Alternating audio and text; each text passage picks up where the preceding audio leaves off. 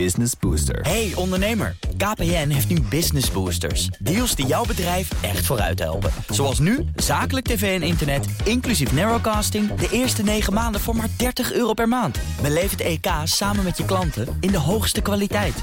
Kijk op kpn.com slash businessbooster. Business Booster. Heb jij de BNR-app al? Met breaking news in de podcast Wereldveroveraars. Download de app en blijf scherp. BNR Nieuwsradio. The Big Five. Diana Matroos. Na anderhalf jaar oorlog in Oekraïne is er nog altijd geen grote doorbraak bereikt. Hoe kan dat? En is er een weg uit de impasse door Zelensky en Poetin toch aan de onderhandelingstafel te krijgen. En hoe wordt dit alles door aanstaande verkiezingen in Europa, aparte EU-landen en de Verenigde Staten beïnvloed? Deze zaken bespreek ik deze week met een uh, prominente line-up van vijf kopstukken in BNR's Big Five van het moeizame tegenoffensief. En vandaag is dat met een uh, graag geziene gast bij dit programma, Jaap de Hoop Scheffer, voormalig secretaris-generaal van de NAVO, oud-minister van Buitenlandse Zaken en minister van Staat. Fijn dat u er weer bent. Met plezier, als altijd. Uh, ik ga het natuurlijk uh, zo meteen uitgebreid met u hebben uh, waarom Poetin deze oorlog zo lang mogelijk wil voortzetten. Want dat is uw verwachting. Maar voordat we dat gaan doen, wil ik eerst twee dingen van u weten. En het allereerste is: is er ergens een bepaald moment dat u denkt: ik had best wel NAVO-baas willen zijn in deze tijd? Nou, als ik kijk naar wat er in de wereld gebeurt, wat er binnen de NAVO gebeurt, dan wil je er wel eens bij zijn. Ja, ik had wel eens de neiging om te denken: als ik nu een fly on the wall, een vlieg op de muur zou kunnen zijn en. en kon, zou kunnen meeluisteren hoe die discussies allemaal gaan. Aan de andere kant, op een bepaald moment trek je een deur achter je dicht en dan is die deur ook dicht en dat moet die ook blijven, vind ik. Maar het is een ongekende tijd hè, op dit moment. Het is ongekend. Uh, ik zeg ook op de universiteit tegen de studenten: jullie hadden geen beter moment kunnen kiezen uh, om je te gaan storten in de internationale betrekkingen. Maar uh, dat wil niet zeggen dat je mag vergeten dat er in Oekraïne kinderen van hun ouders worden losgerukt, vrouwen worden verkracht, tienduizenden militairen in, in loopgraven omkomen. Uh, dus het is, een, het is een heel dubbel gevoel hoor. Het is fascinerend vanuit een beroepsmatig uh, gezichtspunt. Het is natuurlijk in en in triest en schandelijk ook in deze agressieoorlog gestart door Poetin. Als je, als je ziet wat er gebeurt. Daar sluit ik me geheel bij aan. Uh, straks zullen we ook spreken over F-16's, of dat een gamechanger zal zijn. Maar laten we eerst even een belangrijk punt bij de kop pakken. Poetin, want u heeft hem ook uh, uh, vaker ontmoet in het verleden. En u heeft daar ook wat dingen over gezegd. Ook nou ja, toen die oorlog uitbrak, hè, op 24 augustus was dat anderhalf jaar geleden. Wat voor man u toen zag. Wat voor Poetin ziet u op dit moment? Ik zie dezelfde uh, obsessieve uh, Poetin uh, als de man die ik toen zag. met, met niet de ambitie, je moet daar een sterker woord voor zoeken. Ik heb in het Nederlands kom ik dan op obsessie. Om, om zijn rijk te herstellen. En of dat nou het Tsaristische Rijk is of het is het Sovjetrijk. Hij vindt dat Rusland, moeder Rusland, recht heeft op een empire, op een rijk. En dat is hij aan het, aan het proberen te doen. Dat is zijn levensmissie, politieke missie, maar ook persoonlijke missie, zeg ik erbij. En Oekraïne is de hoofdprijs. Dus hij wil ook Oekraïne inlijven binnen dat rijk. En is dat ook het moment uh, met die vliegtuigcrash rond Prishnogin, de Wagnerbaas, dat u op dat moment dat terugziet? Ja, ik zie dat in die zin terug dat er, dat er natuurlijk wel erg veel mensen van balkons vallen, uh, vergiftigd worden en in dit geval uh, bij een vliegtuigongeluk omkomen. En het is nu kennelijk bevestigd dat Prigozhin is omgekomen bij dat vliegtuigongeluk. Uh, en dat is, dat is uh, Poetins oog om oog, tand om tand principe. Of zoals het vaker is uitgedrukt, Poetins wraak wordt koud opgediend. meneer Prigozhin is, heeft getracht naar Moskou op te rukken heeft uh, tijdens die actie een aantal, aantal Russische vliegtuigen uit de lucht geschoten. Zat in Rostov aan de, aan de Don. Uh, is daar niet verder gegaan. Uh, ja, dat, dat heeft Poetin niet vergeten. Dus de kans is erg groot. Meer dan waarschijnlijk dat dit de wraak van Poetin is geweest. En dat hij ook persoonlijk goedkeuring heeft gegeven voor deze moordaanslag. Als ik het dan zo op die manier mag verwoorden. Ja, dat laatste weet je niet precies. Maar, maar de manier waarop hij de condolences met de familie uitsprak. Ik heb zijn gezicht toen eens goed, goed bekeken. spreekt wel boekdelen wat dat betreft. Poetin, Poetin is dezelfde Poetin als, als toen ik hem ontmoette. Ja, Amerikaanse functionarissen hebben trouwens wel anoniem tegen Bloomberg gezegd dat hij die uh, moordaanslag heeft goedgekeurd. En Joe Biden zei ook dat er weinig dingen in Rusland uh, gebeuren zonder dat hij er iets mee te maken heeft. Dat is correct. He, dat is waar, waar, waar u zich uh, um, bij aansluit. Laten we ook dan kijken naar de strategie die Poetin heeft als het gaat om het slagveld. En eigenlijk, ja, het is misschien hard om te zeggen dat het tegenoffensief uh, niet is gelukt. Dat het is mislukt. Uh, vindt u dat de grote woorden die ik aanneem? Mis, mislukt vind ik een, een, te, een te groot woord. Uh, er, zijn, er zijn militairen met meer deskundigheid op het gebied van het slagveld dan ik. Maar er lijkt nu enig, toch enige voortgang te zijn op, op twee delen van het front. Waarin de hoofdambitie van Oekraïne, zoals we weten, is het herstellen van die landbrug. Het breken, verbreken van de landbrug, moet ik zeggen, die Rusland heeft naar de Krim. Uh, dus ik denk dat het te vroeg is om te zeggen het is mislukt. Uh, wat wel geconstateerd moet en kan worden is dat het tempo waarin wij als Westen uh, Oekraïne van moderne wapens voorzien, te laag ligt, uh, om veel te laag ligt, om, om Oekraïne in staat te stellen doorbraken aan het front te forceren. Uh, om, om u een voorbeeld te geven, ik, ik ken weinig militairen die grote grondoffensieven starten zonder gegarandeerd luchtoverwicht. Nou, we, hebben het, we zullen het nog over de F-16's hebben. Uh, dat, is, dat, is, dat zijn allemaal procedures en processen die om begrijpelijke redenen overigens heel veel tijd kosten. Waarvan Zelensky natuurlijk van tijd tot tijd terecht roept, schiet eens op. Ja, want, want uh, in militaire termen wordt er dan ook gezegd... Oekraïne vecht met één hand op de rug. Nou ja, wat, wat ik vertelde uh, over, over het ontbreken van luchtoverwicht, uh, dat, dat is een heel goed voorbeeld. Misschien het beste voorbeeld uh, daarvan. Het heeft ook, de Russen hebben ook heel lang de tijd gekregen om zich in te graven, om, om, om, om tienduizenden mijnen te leggen.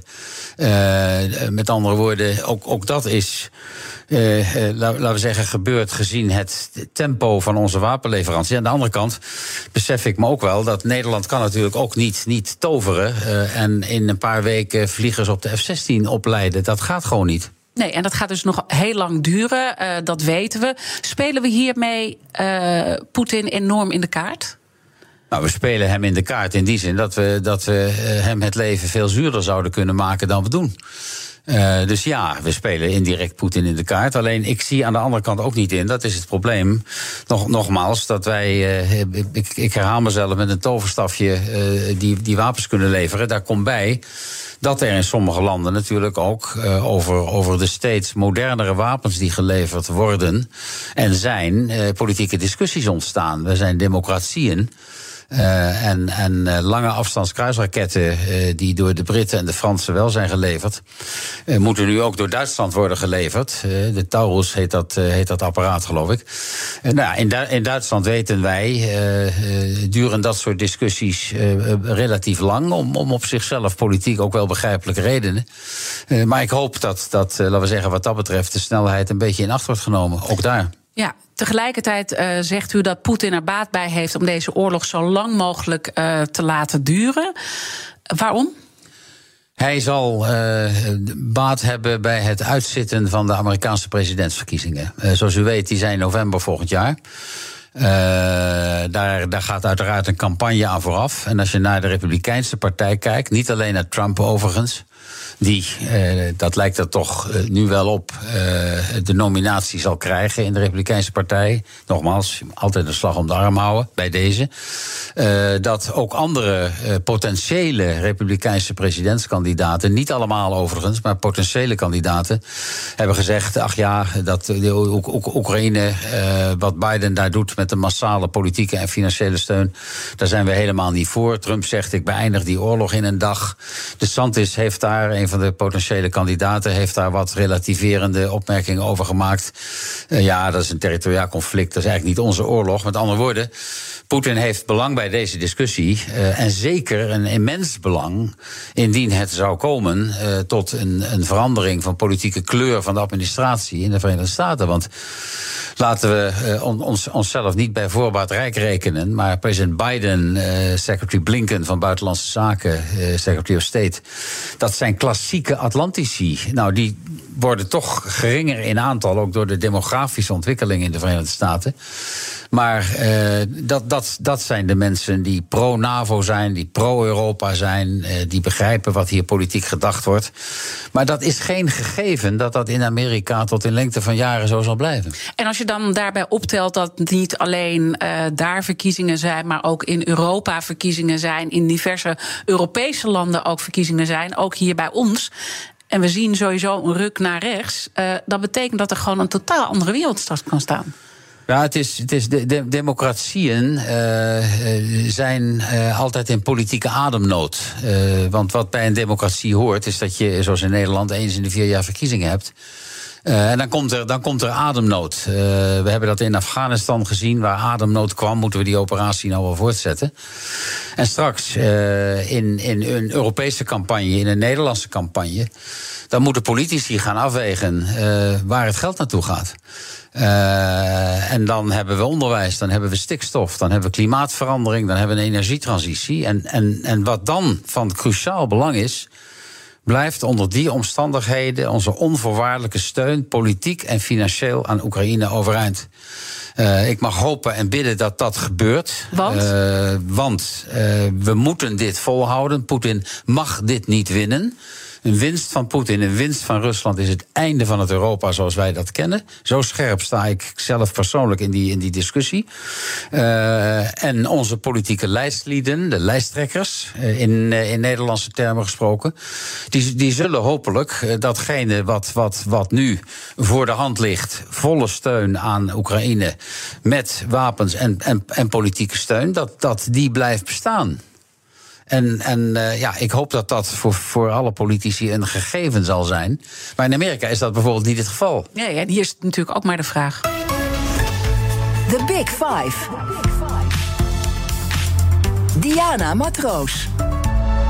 Mijn gast is Jaap de Hoop Scheffer, voormalig secretaris-generaal van de NAVO, oud-minister van Buitenlandse Zaken en minister van Staat. Laten we praten over die F-16's, want u heeft heel lang al de oproep gedaan dat het Westen meer moderne wapens moest leveren. Nu weten we dat er F-16's richting Oekraïne gaan. Nederland heeft daar ook een voortrekkersrol uh, bij gespeeld samen met de Denen. Past dat binnen uw oproep? Zeker. Nederland, Nederland speelt een zeer gewaardeerde voortrekkersrol. Zonder enige reserve spreek ik dat, spreek ik dat uit. We zien dat uh, bij de, bij de F-16's. We hebben dat al eerder gezien. We zijn met helmen en scherfvesten begonnen. En nu praten we over de. Nou, niet de meest moderne wapens, dat is de F-16 niet. Maar in ieder geval over, over, over jachtvliegtuigen, effectieve jachtvliegtuigen.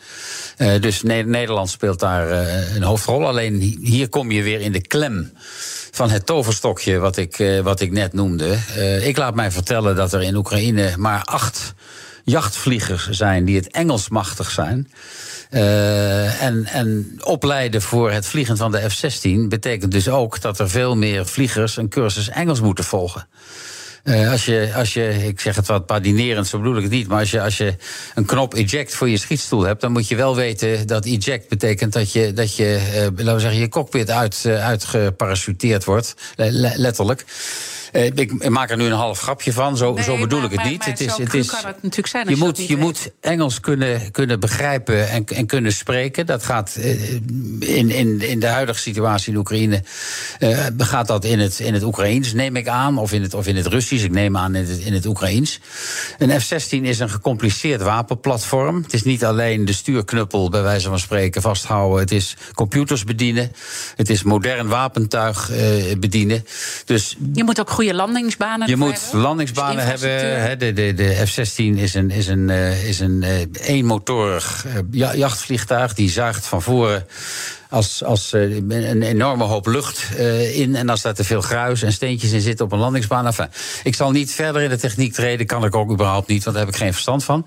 Maar het duurt een, een, een, een behoorlijke periode voordat je een Oekraïense vlieger kunt zeggen: ga jij maar met die F-16 de lucht in. En dat niet alleen, want wij moeten ook, uh, we hebben er 42, maar we moeten uiteindelijk ook weer genoeg F-35's hebben om ze daadwerkelijk te kunnen afstaan. Ik heb hier natuurlijk uiteraard gisteren ook over gesproken met demissionair minister van Defensie, Kasia Ollongren. Uh, nou ja, je merkt aan het hele gesprek, ze houdt allerlei uh, slagen om de arm, die we natuurlijk ook goed kunnen begrijpen. Maar ze zegt het gaat maanden duren. Het zal ergens volgend jaar zijn, ja, waarschijnlijk ergens rond het voorjaar. Dan de vraag is al hoeveel. Hoe, hoe, kijkt u, wat, wat is uw analyse? Wat, wat denkt u dat er realistisch mogelijk is? Nou, ten eerste is mijn analyse dat ook Kajsa Ollongren als minister van Defensie geen ijzer met handen kan breken. Dus ik begrijp best dat zij nu niet kan zeggen: oh, 17 maart volgend jaar, dan stijgen de eerste F-16's op. Uh, ik, ik, hoop dat zij uh, in, in, politieke zin de vaart erin houdt. Uh, en haar mensen, laten we zeggen, scherp aan de wind laat zeilen waar het gaat om die, die procedures, die trainingsprocedures, die opleidingsprocedures. ik hoop ook dat, net als Denemarken heeft gedaan, Nederland op een bepaald moment kan zeggen: Nou, wij kunnen x aantal F-16's kunnen wij leveren. Uh, omdat er op dit moment natuurlijk ook F-16, zoals dat heet, gecannibaliseerd worden om, om de andere in de lucht te houden. Totdat de hele F-16-vloot is vervangen door de, door de F-35.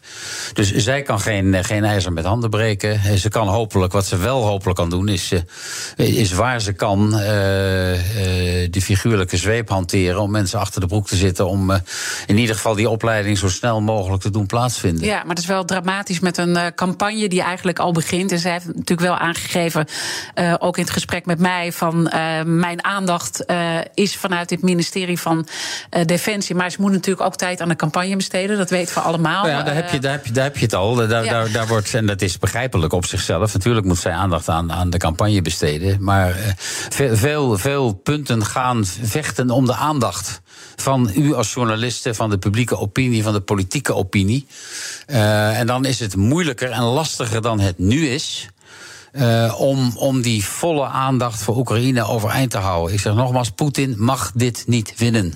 Dat is het einde van het Europa zoals wij dat allemaal kennen, zoals wij dat allemaal willen. En dat ja, en is... wat betekent dat dan concreet, het einde van Europa? Nou ja, dat als, als, als, als Poetin erin slaagt om zijn doelstellingen te bereiken, dan ken ik wel volgende stations voor Poetin en voor Rusland. Misschien niet in één of twee of drie jaar, maar wel daarna. Baltische Staten. Denk, nou, nou, daar denk ik niet in eerste instantie aan, want die zijn NAVO-lid. En daar zal de NAVO dan uh, met zijn volle gewicht uh, moeten zorgen... A, dat het niet gebeurt in de afschrikking. En als het gebeurt, moet, er, moet reageren. Dat acht ik overigens zeer onwaarschijnlijk. Maar denkt u, denkt u eens aan een, aan een, aan een arm land als, als Moldavië. Uh, dat hoort ook bij dat grote rijkssyndroom van, van, van Vladimir Poetin. Uh, hij zal daarin een, een, een, een, een vrijbrief vinden, denk aan Georgië, waarvan hij eigenlijk ook vindt dat dat, er, dat, dat erbij hoort. Uh, kort, kortom, dat is een, een waanzinnige prijs, omdat je dan in feite wij sanctioneren, politiek en democratisch dat je in het Europa van de 21ste eeuw met geweld gebied kunt veroveren. Nou, waar is ons hele idee ook over, over Europa opgestoeld. Met name dan neergeslagen in de Europese Unie. Dat is dat dat niet gebeurt. Dat dat niet kan gebeuren. En de NAVO is daar ook voor aanval op één is een aanval op alle. Dus je, je, je krijgt dan zo'n breuk uh, met, met, met wat de essentialia zijn, de essentiële elementen zijn van ons, van ons bestaan, mm -hmm. dat die prijs uh, onacceptabel hoog zou zijn. Ja, en dan zou je dus toch uh, zeggen, gezien de huidige situatie, vraagt dat misschien wat meer moed van ons in Europa, van de NAVO, van de Amerikanen? Nou, het, het, vraagt meer moed wanneer, wanneer uh, zoals wij net bespraken, er verkiezingen komen. Uh, mensen, politici worden uitgedaagd. Of dat nou president Biden is in de Verenigde Staten in de campagne. Of dat dat de lijsttrekkers hier zijn van de, van de politieke partijen. Tot, tot, op, tot op heden heeft Nederland een uitermate positieve voortrekkersrol gespeeld. Het wordt moeilijker om die rol, en daar doe ik dat krachtige appel voor. Dus moeilijker om die rol vol te houden. Wanneer Oekraïne straks gaat concurreren met onderwijs, met stikstof, met energietransitie, met klimaat, et cetera. Dan, dan, dan, dan worden de bokken van de schapen gescheiden. Ja, en is, en is dat ook wat we zien dat Biden dus nu toch akkoord heeft gegeven voor die F-16's? En sterker nog, uh, de missie ook meer naar zichzelf toetrekt uh, door ook uh, te assisteren bij de trainingen. Zeker. ik wil het wel wat scherper stellen. Als Biden dat niet zou doen en niet de leiding zou nemen, uh, dan, dan moeten wij niet de illusie hebben als Europeanen dat wij het zonder de Amerikanen kunnen. Want dat kunnen we niet. Uh, nou, los van allerlei formele regels dat ze toestemming moeten geven om die F-16's te leveren, et cetera.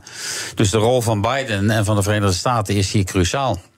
En daarom kijk ik met, met zorg naar die, naar die verkiezingscampagne in de Verenigde Staten. Mm -hmm. Omdat nogmaals het geen gegeven is dat eh, president Biden weer in het Witte Huis komt. Had Biden het niet gewoon eerder moeten doen, dit wetende? Nou, Biden, Biden heeft eenzelfde ontwikkeling doorgemaakt, politiek, moet ik eerlijk zeggen, als, als de, zijn NAVO-bondgenoten. En als de lidstaten van de Europese Unie. Ik zei al eerder in dit gesprek, we zijn begonnen met helmen en scherfvesten. En dat vonden sommigen al heel wat.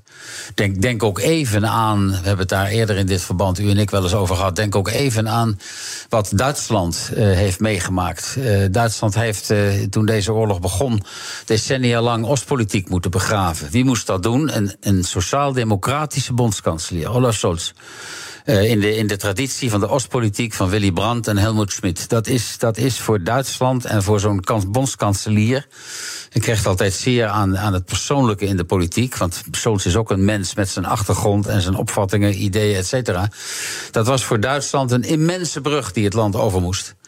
Uh, ik behoor dan ook niet tot, tot de, uh, laten we zeggen, eenvoudige Duitsland-critici. En, dat, en dat gold voor, voor president Biden ook. Uh, maar, hier, hier, komt mijn maar, ik wil het wel iets breder trekken. Uh, als je kijkt naar de wereld, die noemde, u, die noemde u net. China kijkt met grote aandacht hoe de Verenigde Staten het geval Oekraïne aanpakken.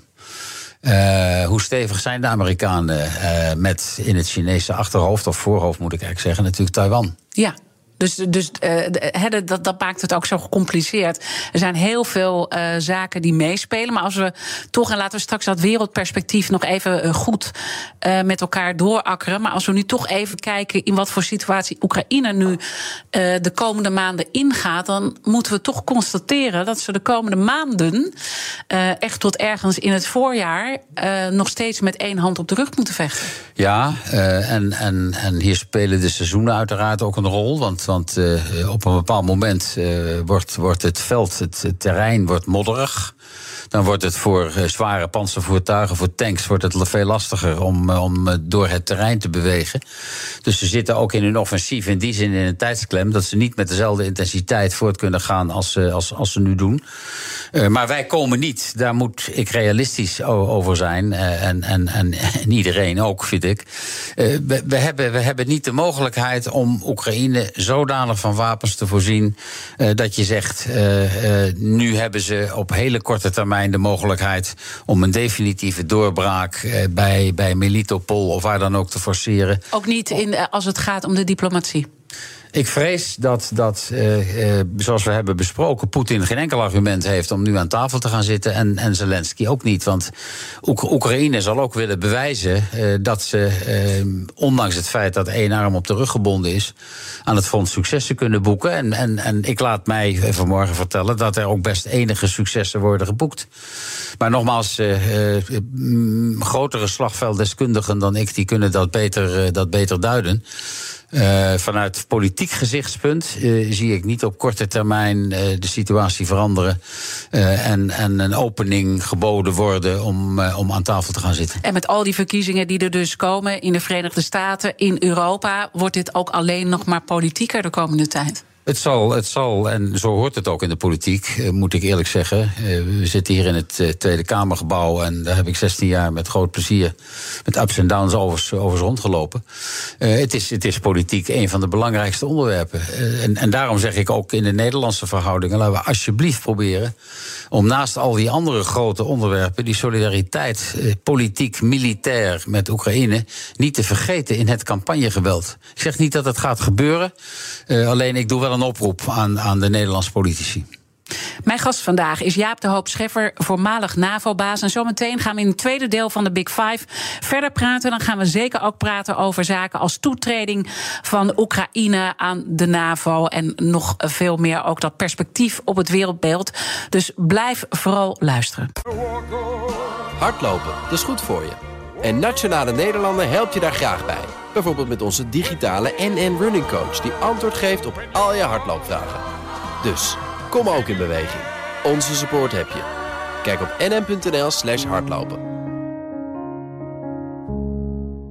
Business Booster. Hey ondernemer, KPN heeft nu Business Boosters. Deals die jouw bedrijf echt vooruit helpen. Zoals nu, zakelijk tv en internet, inclusief narrowcasting... de eerste 9 maanden voor maar 30 euro per maand. Beleef het EK samen met je klanten in de hoogste kwaliteit.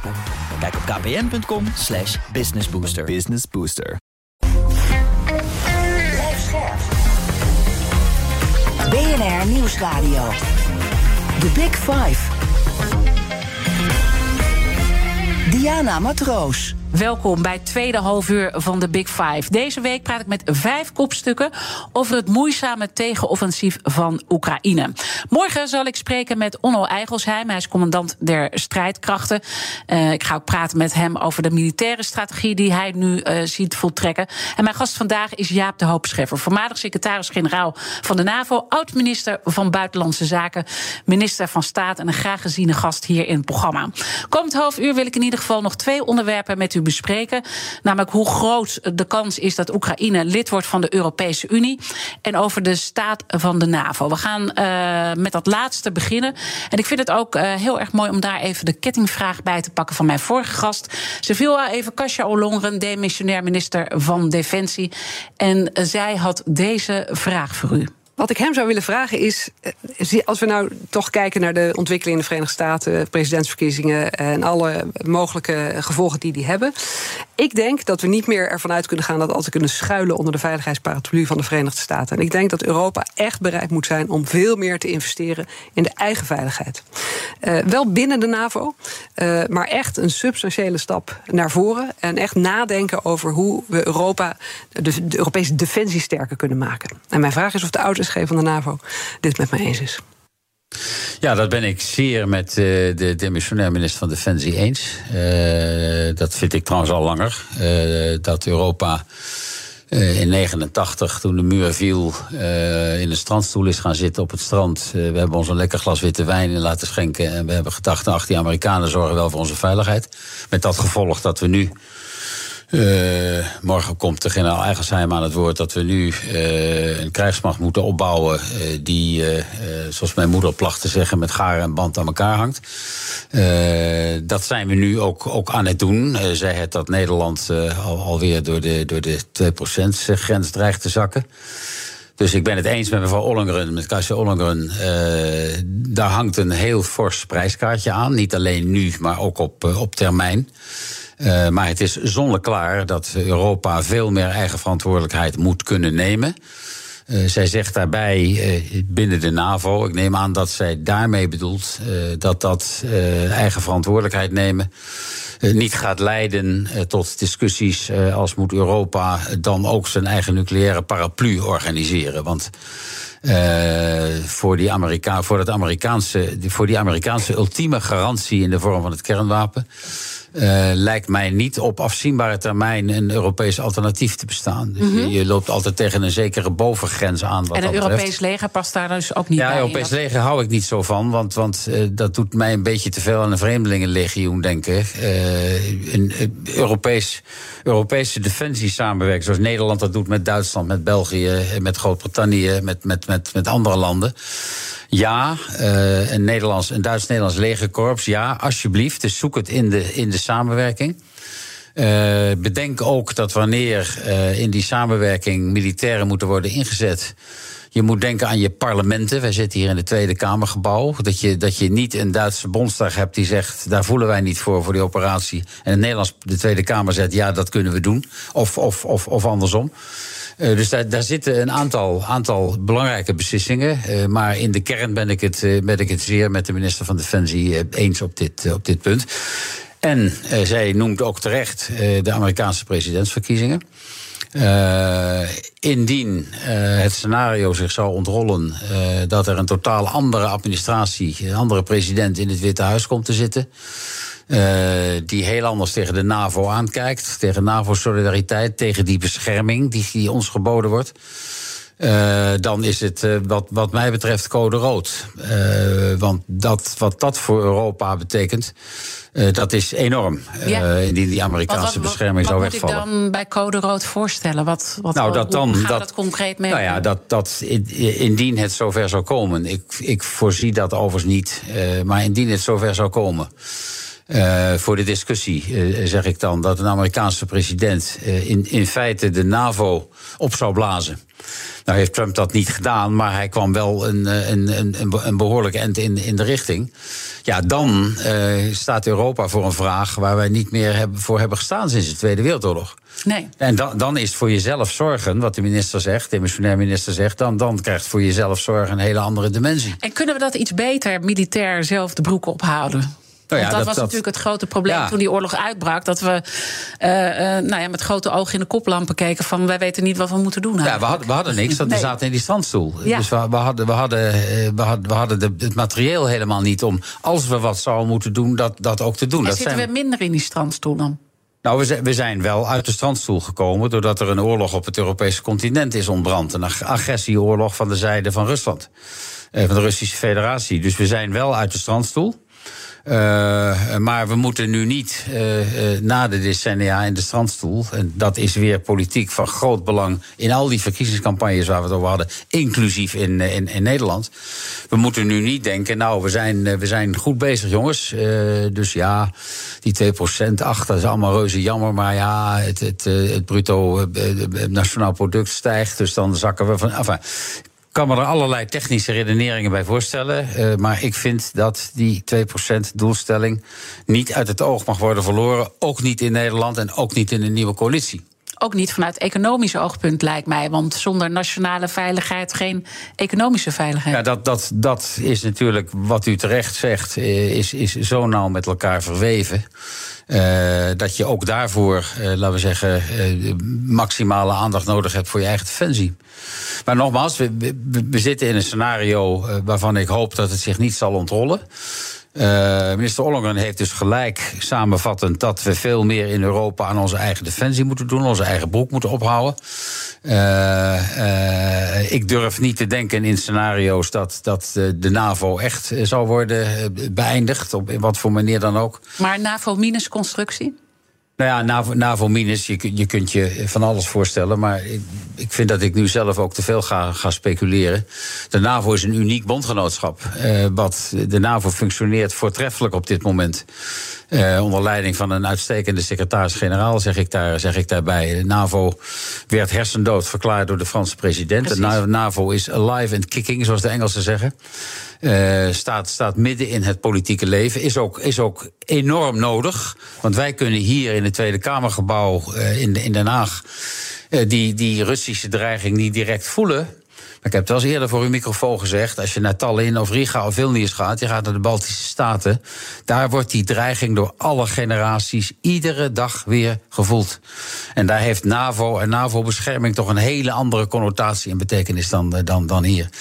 Uh, wij, wij liggen er prettig en comfortabel ver vanaf. Zij niet. En wat mij daar in die Baltische landen altijd opvalt, is dat ook de jongere generatie daar enorm mee bezig is en ook die dreiging voelt. Uh, over die top uh, gesproken, die hebben we natuurlijk gehad in Vilnius uh, afgelopen zomer. Maar we weten ook dat er in 2024 een NAVO-top komt in Washington.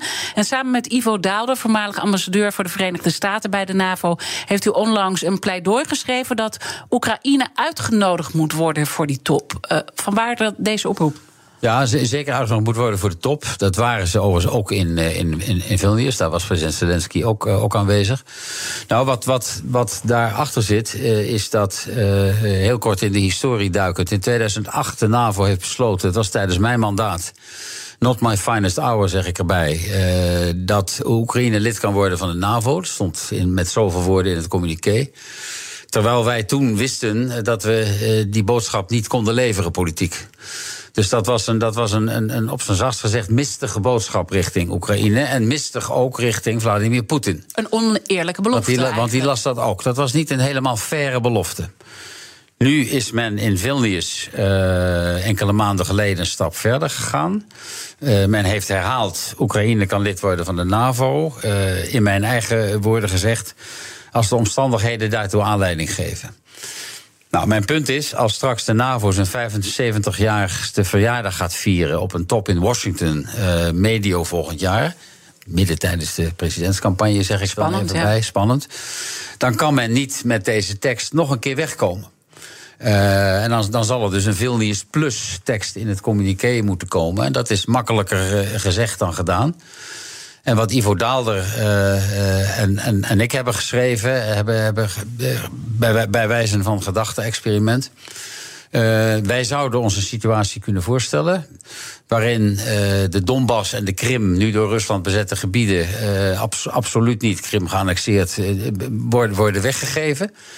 Maar waarbij je in ieder geval zou kunnen beginnen met alle grondgebied wat onder Oekraïnse controle valt.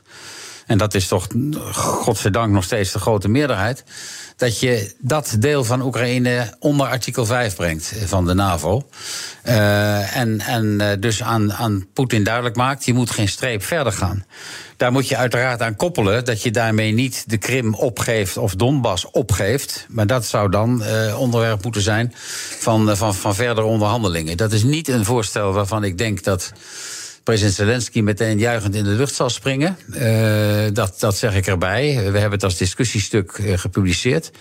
Maar zoiets zou ik mij kunnen voorstellen. Uh, ik maar zou dit dan wel een eerlijke belofte zijn? Um, iets wat waargemaakt kan worden als je dat vergelijkt ja, met 2008? Als, als de NAVO consensus zou kunnen bereiken. Dat is natuurlijk het, het, het principe binnen de NAVO is consensus. En dat lijkt me eerlijk gezegd een hele eis. Als ik naar onze eigen opvatting en, en artikel kijk. Maar stel even. Uh, dat, dat, dat de NAVO consensus uh, zou kunnen bereiken, dan zou je dat kunnen doorvoeren. Je, de NAVO kan zelf bepalen uh, hoe en wat en wie zij willen uitnodigen. En hoe en wat en wie zij onder de bescherming van artikel 5 van het NAVO-verdrag willen brengen. Ja, maar we worden dan ook wel meer die oorlog ingezogen eigenlijk. Als je nou dat ja, gaat doen. dan, dan geeft de NAVO de garantie af voor het overgrote deel van het Oekraïnse grondgebied. Ja, dat is, dat is volstrekt juist. Maar ik, ik zie, ik zie uh, op, op, op dit moment nog niet. Uh, ook, ook als ik in de wat verdere toekomst kijk, ik zie nog niet hoe Oekraïne binnen de grenzen van voor 21 februari 2022 integraal lid van de NAVO zou kunnen worden. Nogmaals, je kunt allerlei argumenten tegen verzinnen. Maar ik kan ook, wij konden ook, Ivo Daalder en ik, een aantal argumenten pro verzinnen. Hardlopen, dat is goed voor je. En Nationale Nederlanden helpt je daar graag bij. Bijvoorbeeld met onze digitale NN Running Coach... die antwoord geeft op al je hardloopvragen. Dus, kom ook in beweging. Onze support heb je. Kijk op nn.nl slash hardlopen. Business Booster. Hey ondernemer, KPN heeft nu Business Boosters. Deals die jouw bedrijf echt vooruit helpen. Zoals nu, zakelijk tv en internet, inclusief narrowcasting... de eerste 9 maanden voor maar 30 euro per maand. Beleef het EK samen met je klanten in de hoogste kwaliteit. Kijk op kpn.com slash businessbooster. Business Booster. BNR Nieuwsradio.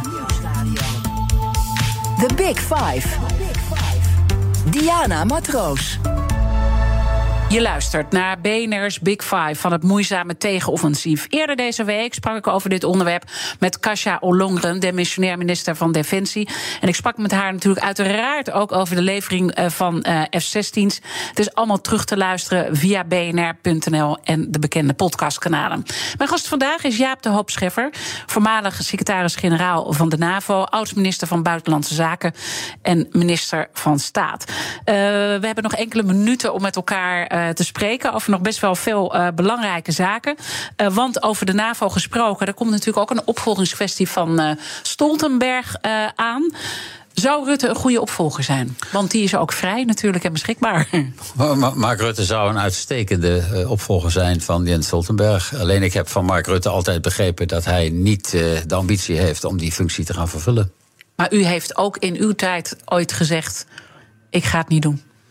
Jawel, wel. Ik, ik, zal, ik zal de eerste, de laatste zijn om te ontkennen dat er in de politiek wel eens wat leugentjes om best wil worden gedebiteerd. En dat ik daar ook wel eens aan heb meegedaan. Maar ik heb uh, onze demissionair minister-president nu zo vaak nee horen zeggen. Uh, dat het wat lastig is om, om, om hier of elders te zeggen. Nou, ik denk, ik denk wel dat hij dat wil. Ik denk dat hij dat niet wil. Uh, maar nogmaals, Jens Stoltenberg zit er nog. Ik denk dat de NAVO toch wel de ambitie heeft om bij die top in Washington, medio volgend jaar, die ik noemde.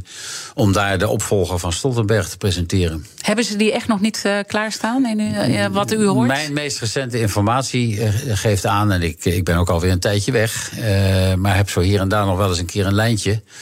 In de, in de zin van een, een contact, niet in de zin van een lijntje. Uh, nee. Maar uh, wat, wat, wat dat betreft vertellen mijn bronnen mij dat men nog niet precies weet wie dat dan zou moeten gaan doen. Zou per se een premier moeten zijn?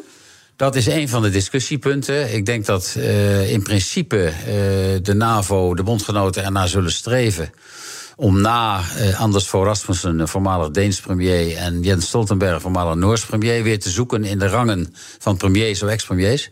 Zoals dat ook in de, in de Europese Unie bijvoorbeeld uh, gebeurt met, uh, met de voorzitter van de Europese Raad.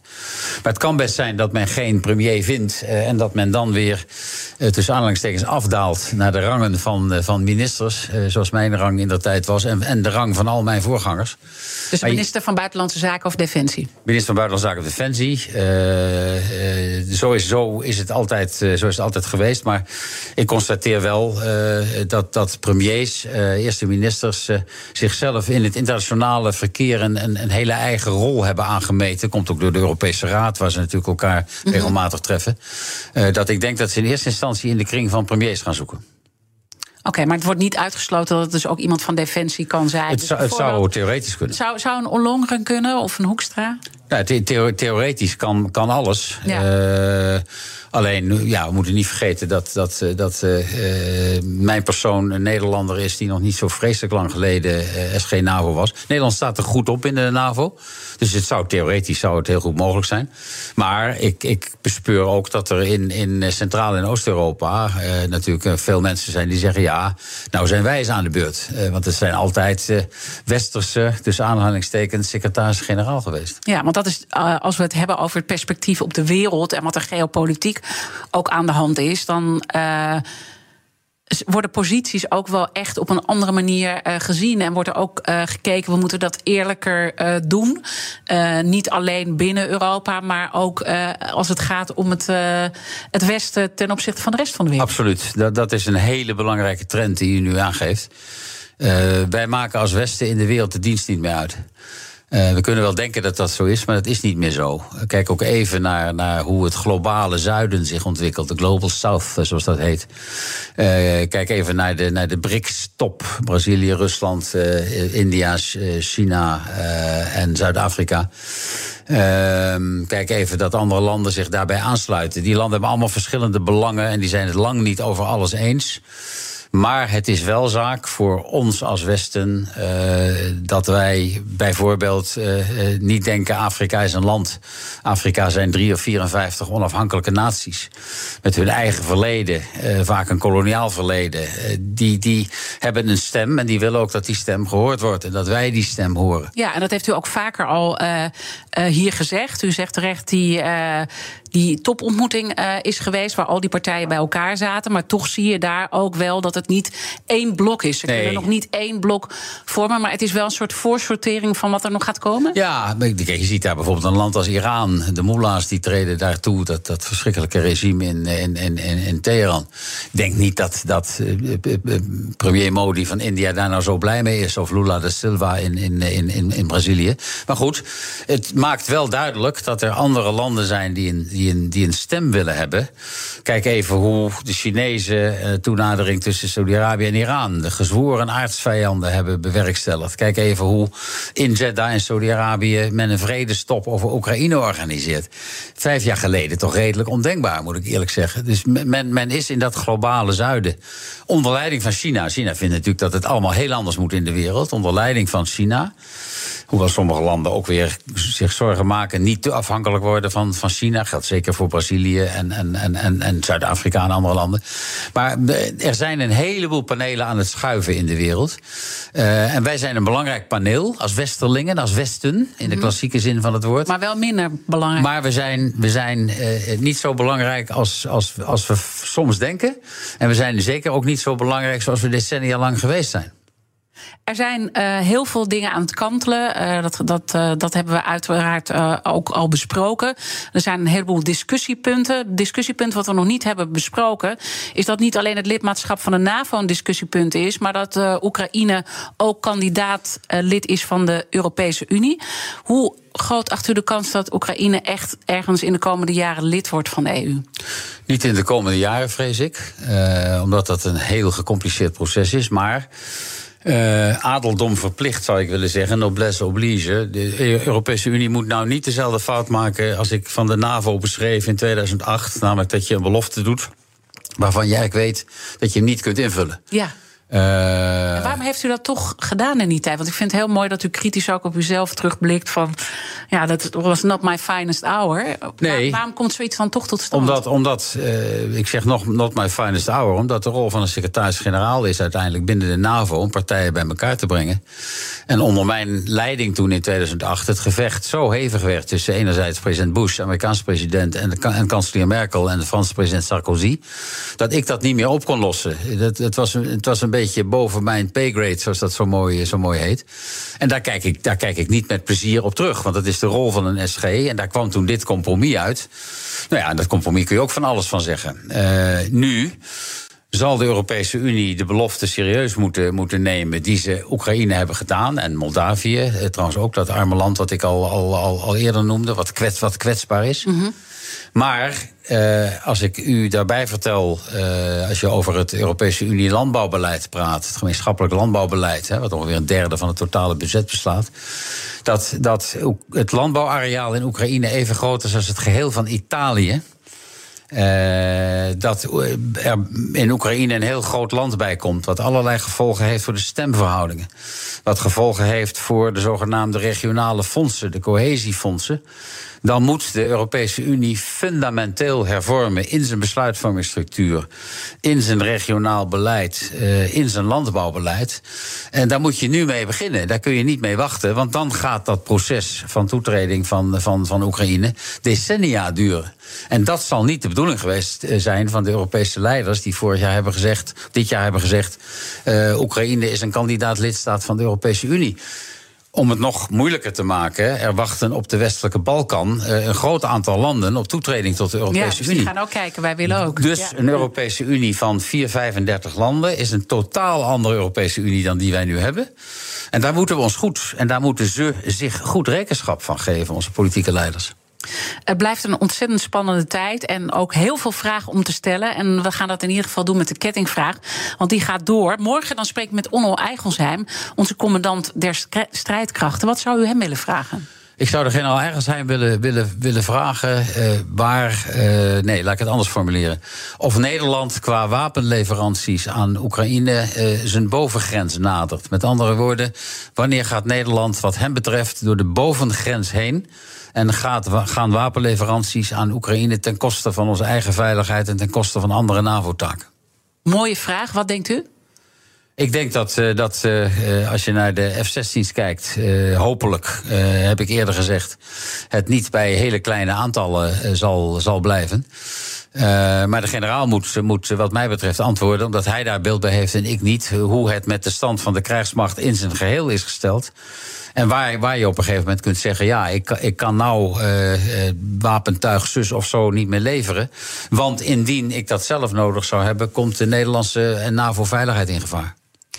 Als ik uh, tot slot even uh, de situatie van de oorlog mag samenvatten en waar het naartoe gaat, dan zegt u: we zullen een langer slepende oorlog gewoon blijven zien in de komende maanden. Gewoon puur omdat die F-16's ook uh, pas veel later komen. En dan zit je eigenlijk bijna naar een nieuw voorjaarsoffensief te kijken... met misschien een totaal politieke nieuwe realiteit in de wereld. Dat zou, dat zou heel goed kunnen. Ik weet niet of Nederland volgend voorjaar al een coalitie heeft. Uh, ik zou hopen van, van wel, maar we hebben recent ervaringen gezien dat dat nog wel even kan, kan duren. En ik hoop dat de politieke slagkracht binnen de NAVO, uh, onder leiding van president Biden, onder leiding van de Amerikanen, en de Europese slagkracht voldoende blijft. En, en dat uh, onze democratieën uh, niet in de ademnood komen die ik beschreef. Namelijk dat er zoveel prioriteiten zijn dat dit er eentje van wordt. Mm -hmm. Dat kunnen wij ons niet veroorloven. Slaapt u er nog rustig op met ik, al deze beelden die u heeft? Ik slaap goed en ik slaap rustig. Uh, ik hoop alleen wel naar mezelf en naar anderen toe en nu in uw microfoon. Uh, zo realistisch mogelijk uh, analyse te presenteren. En die, is niet altijd, uh, die is niet, geeft niet altijd aanleiding tot veel, tot veel vreugde. En dan denk ik dus weer aan de Oekraïnse vrouwen die verkracht worden, die duizenden kinderen die van hun ouders losgerukt worden en, en bij vreemde gastgezinnen in Rusland terechtkomen.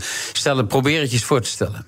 Ja. Ik, ik, ik, ik, kan het me nauwelijks voorstellen. Het is niet voor te stellen. En uh, tegelijkertijd is het ook onze, onze vrijheid die steeds meer op het spel staat. Hè? Want dat zien we misschien niet zo heel duidelijk. Maar dat is natuurlijk wel aan Precies. En die, en die vrijheid heeft een prijs. Die heeft een hoge prijs. Uh, en en uh, dus niet verder in die strandstoel. Dank dat u hier weer uh, wilde zijn. En ik hoop dat we over enkele uh, een periode weer met elkaar uh, mogen verder spreken. Jaap de Hoop Scheffer, voormalig SG van de NAVO, oud-minister van Buitenlandse Zaken en minister van Staat. En natuurlijk is alles van de Big Five terug te luisteren. Ga gewoon naar onze podcast. Dan vind je het allemaal op een rijtje. Maar het allerbelangrijkste, blijf live op deze zender. Zometeen BNR breekt. Ik wens je een mooie dag.